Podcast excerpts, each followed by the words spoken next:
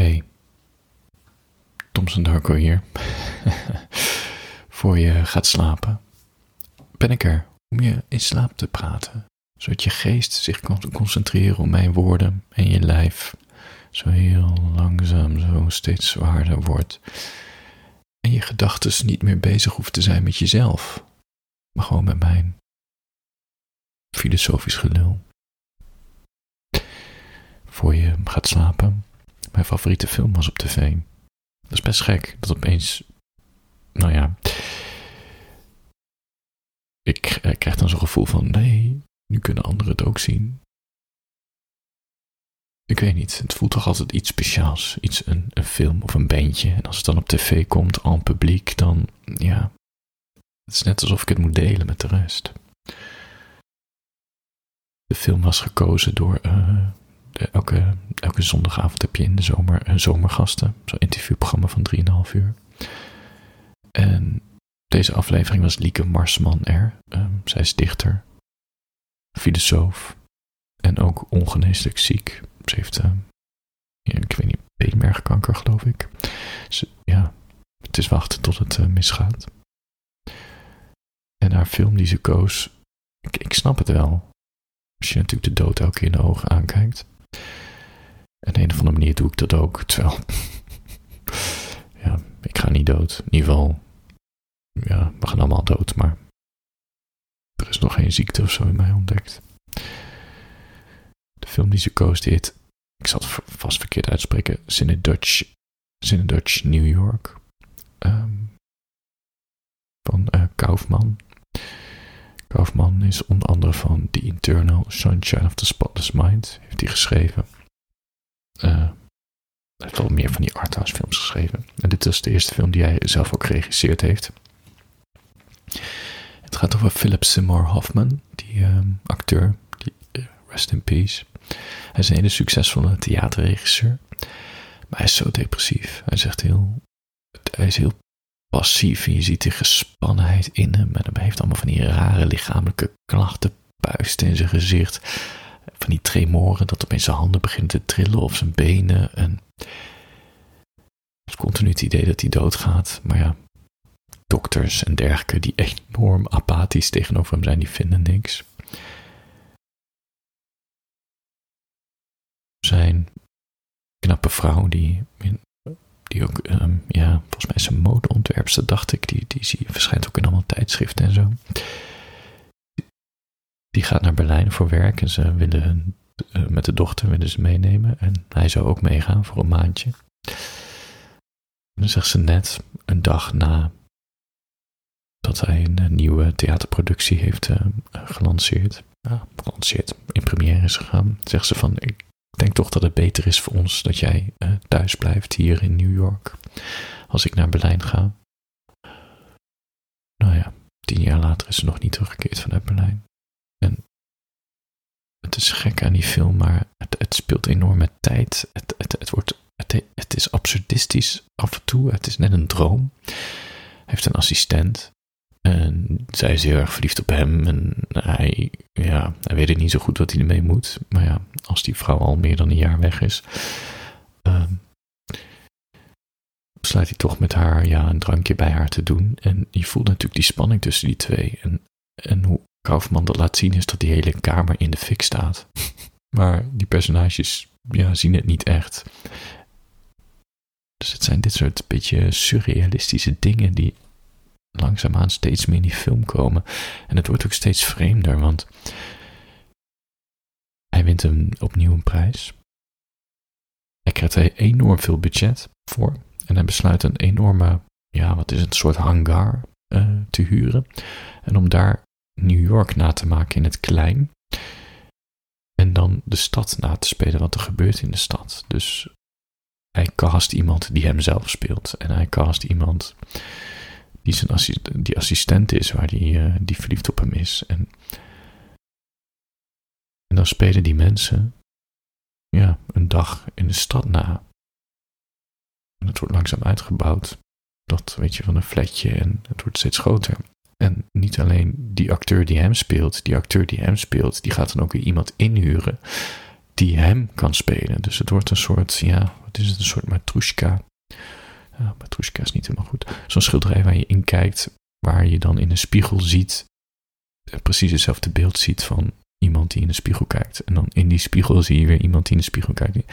Snap je? Zo ontvouwt zich die film. Ja. Het is echt weird. Ik heb hem heel vaak gezien, die film.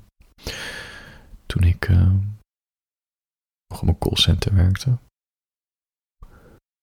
Ik denk een beetje de periode dat ik met Suikerkidder begon te schrijven, nog niet te publiceren. En daarna nam mijn leven een hele andere afslag. Toen heb ik die film niet meer gezien, dus het is denk ik meer dan tien jaar geleden. En nu, hij was dus weer op tv en ik zat er te kijken. Het was al best wel laat in de avond, het werd pas half twaalf uitgezonden. Maar het was heel warm, dus uh, normaal lig ik al lang te tukken. En ik kwam weer helemaal in het ritme van die film. En ik was heel veel scènes vergeten. En die film pakte me gewoon weer. Het, was gewoon ik ben helaas in slaap gevallen bij die film. Dat is heel jammer. Ik had hem graag afgekeken, maar ja, het was ook laat. Dus ik moet even kijken of ik ergens nog een kopie kan vinden van die film. Zodat ik hem opnieuw kan opzetten. Goed, Zin in Dutch New York hij. Um, het, is, het is wel echt, het is wel experimenteel. Dus het is wel arthouse, weet je. Je moet, ja, ik daag je uit om het zonder telefoon te kijken. Je moet niet op je telefoon gaan zitten en die film kijken, want dan dat is niet, dat is niet een goede combi. Je moet er echt ingezogen worden. En dan zo heel langzaam in het ritme van die film. En zo erin meegezogen worden. Zo. Het heeft een heerlijk langzaam ritme. En, die, en kijken naar die symboliek die in al die scènes zitten. En het absurdistische. En die tijd die elke keer op een hele gekke manier vooruit gaat. En ja, ja het is mooi. Het is een mooie film. Donker ook, maar mooi. Voor je gaat slapen ik even een kort verhaaltje voorlezen. Uh, die heet Waarom blijf ik maar denken aan dat wat we hadden kunnen zijn? Elke avond, voor ik in slaap val, denk ik aan hoe je zou reageren als ik er niet meer ben. Hoe je je telefoon op de keukentafel zou leggen met je harige armen.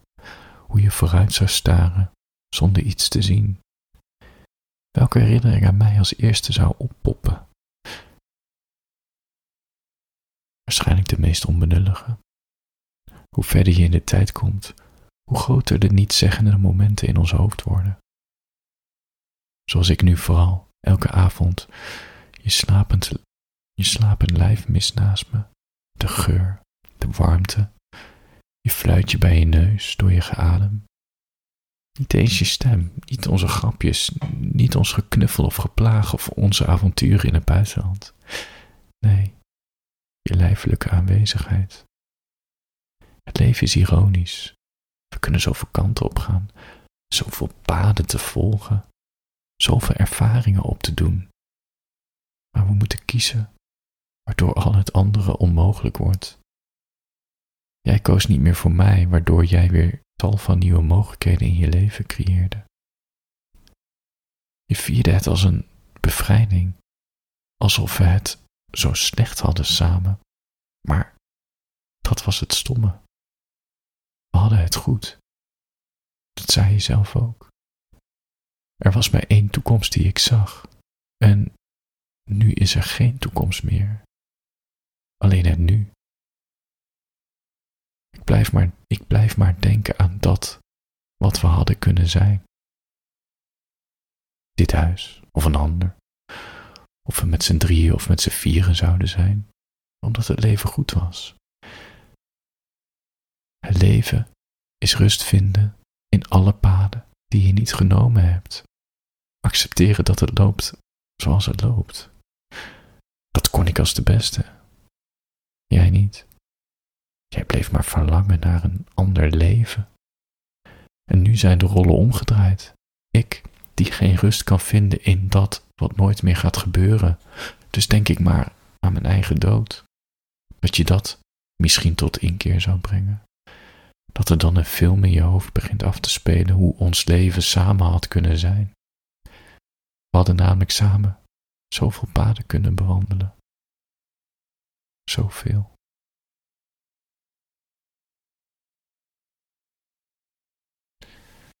Voor je gaat slapen.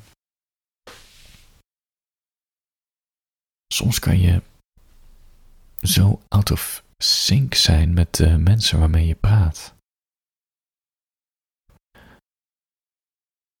Als de zomer nadert, vragen best wel veel mensen, uh, vrienden, familie aan mij, of ik, even, of, of ik ook even een paar weken rust neem, vakantie neem. Nou ja, alsof je rust kan nemen van creativiteit, weet je. En eerst zei ik nog, mm, niet echt. Wat dus eigenlijk een nee is in mijn Thompson Darko taal. Ik ben niet zo van de confrontatie, dus ik praat een beetje veulend.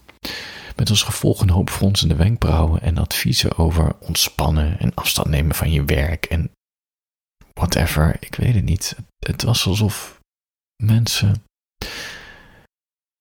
een eigen behoefte aan vakantie en even stoppen met werken. Weet je, even dat ritme van het dagelijks leven doorbreken, alsof ze dat gingen projecteren op mij. Want als ik dan nee zei, dat ik hun afwees of zo.